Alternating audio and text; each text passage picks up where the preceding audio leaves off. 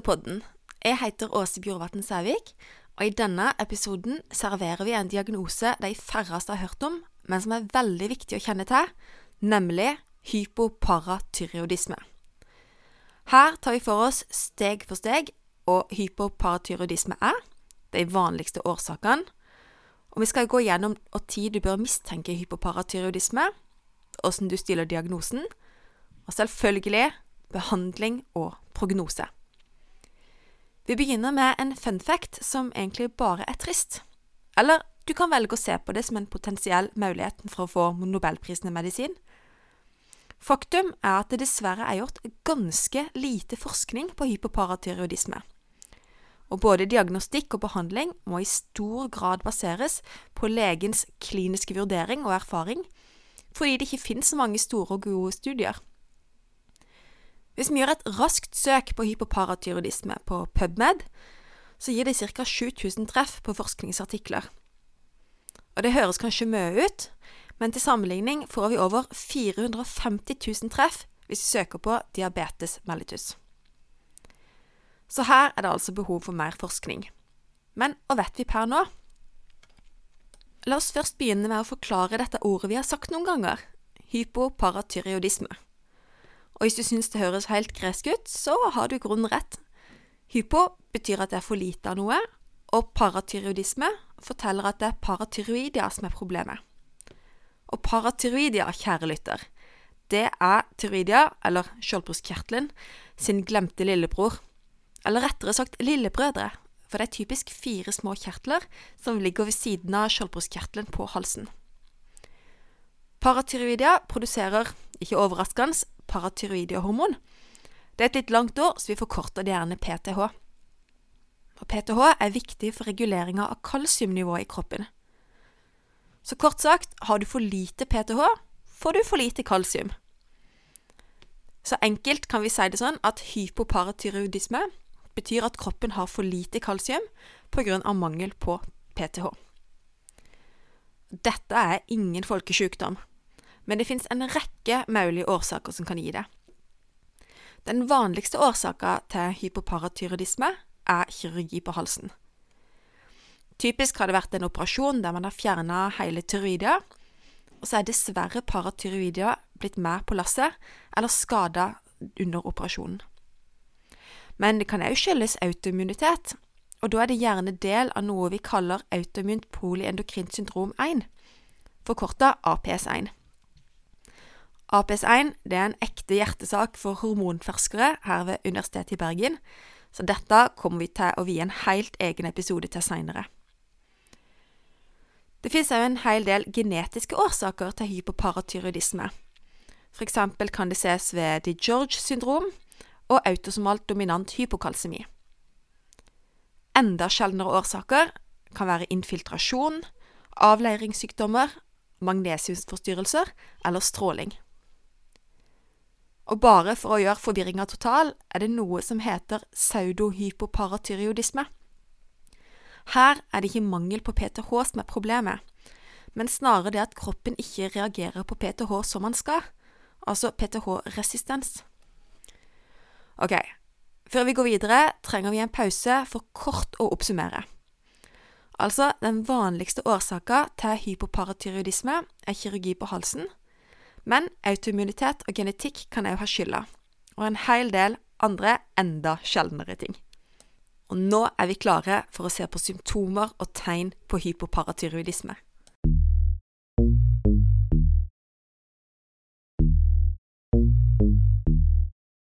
Som alltid er det viktig med ei grundig sykehistorie først. Problemet med hypoparatyroidisme er jo mangel på kalsium, og både akutt og kronisk kalsiummangel gir gjerne symptomer fra nerve- og muskelsystemet. Pasienten kan fortelle om prikking rundt munnen og i hendene, og gjerne òg muskelkramper og spasmer i hender og føtter. Noen får òg generaliserte kramper, men når uttalte symptomene kommer først og fremst an på hvor raskt kalsiumnivået har falt. Dersom årsaka er kirurgi på halsen, vil kalsiumverdien falle fort, pasienten kan få massive symptomer selv om kalsium egentlig ikke er så lav.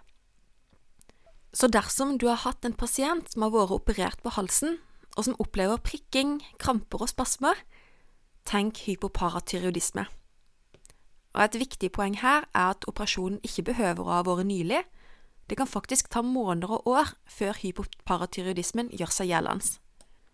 Før vi hopper på blodprøver, vil jeg dele to kliniske undersøkelser du kan gjøre for å sjekke om pasienten har hypokalsemi. Det første er å tappe lett på kinnet ca. 2 cm foran øret og se etter sammentrekninger i ansiktsmuskulaturen på samme side. Dette kaller vi Chowstecks tegn. Det andre er å pumpe opp en trykkmansjett rundt overarmen, som når du måler blodtrykket, så holder vi trykket i ca. tre minutter før vi slipper opp. Ved hypokalsemi kan en da se spasmer i håndleddet. Dette kalles trossåstegn. Særlig ved kronisk hypokalsemi kan det være at pasienten har utvikla andre tegn på sykdommen, f.eks. grå stær eller katarakt, og generelle tegn på sykdom som tynne negler, tørr hud og hårtap. Men vi kommer altså ikke utenom blodprøver. Stikkordet her er lav kalsium og lav PTH. Vi måler òg andre elektrolytter og hormoner, som fosfat og vitamin D. Og I tillegg så kan vi samle urin i et døgn for å se om kalsium tapes eller spares i nyren. Dersom en har mistanke om en genetisk årsak eller APS1, kan vi òg teste for bestemte gen. Vi vil ikke i denne episoden gå inn på akuttbehandling av hypokalsemi, men behandling av kronisk hypokalsemi det må tilpasses den enkelte pasienten og årsaker. Hovedprinsippet er likevel å tilføre kalsium og aktivt vitamin D. I tillegg gir vi gjerne vanlig vitamin D og magnesium, men vi kan ikke kurere hypoparatyroidismen. Så det overordna målet er å tilføre medisiner for å holde symptomene i sjakk og forebygge komplikasjoner på kort og lang sikt. Det beste er å ta sikte på kalsium lige under eller rett over nedre referansegrense. Vanligvis gir vi kalsium og aktivt vitamin D i tablettform, men hos noen kan det være aktuelt å gi injeksjoner med PTH i stedet. For tida gjøres det forskning på å gi PTH i pumpe, men dette er altså noe som ikke er etablert behandling, i alle fall ikke ennå. Dette har vært et maraton, men nå er vi i mål.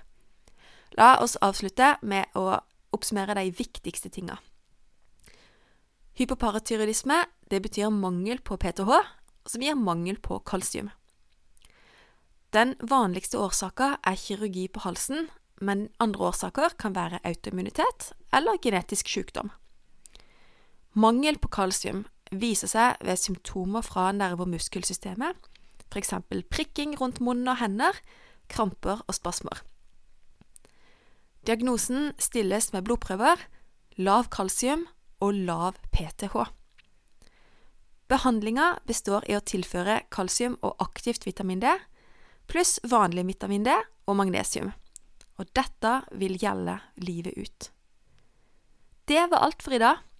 Denne episoden er laga etter ønske fra en av våre kjære lyttere, vi vil gjerne ha flere ønsker, så fortell oss gjerne noe du har lyst til å høre på Facebook-sida vår Endopodden, eller send oss en e-post på endopodden krøllalfa uib.no.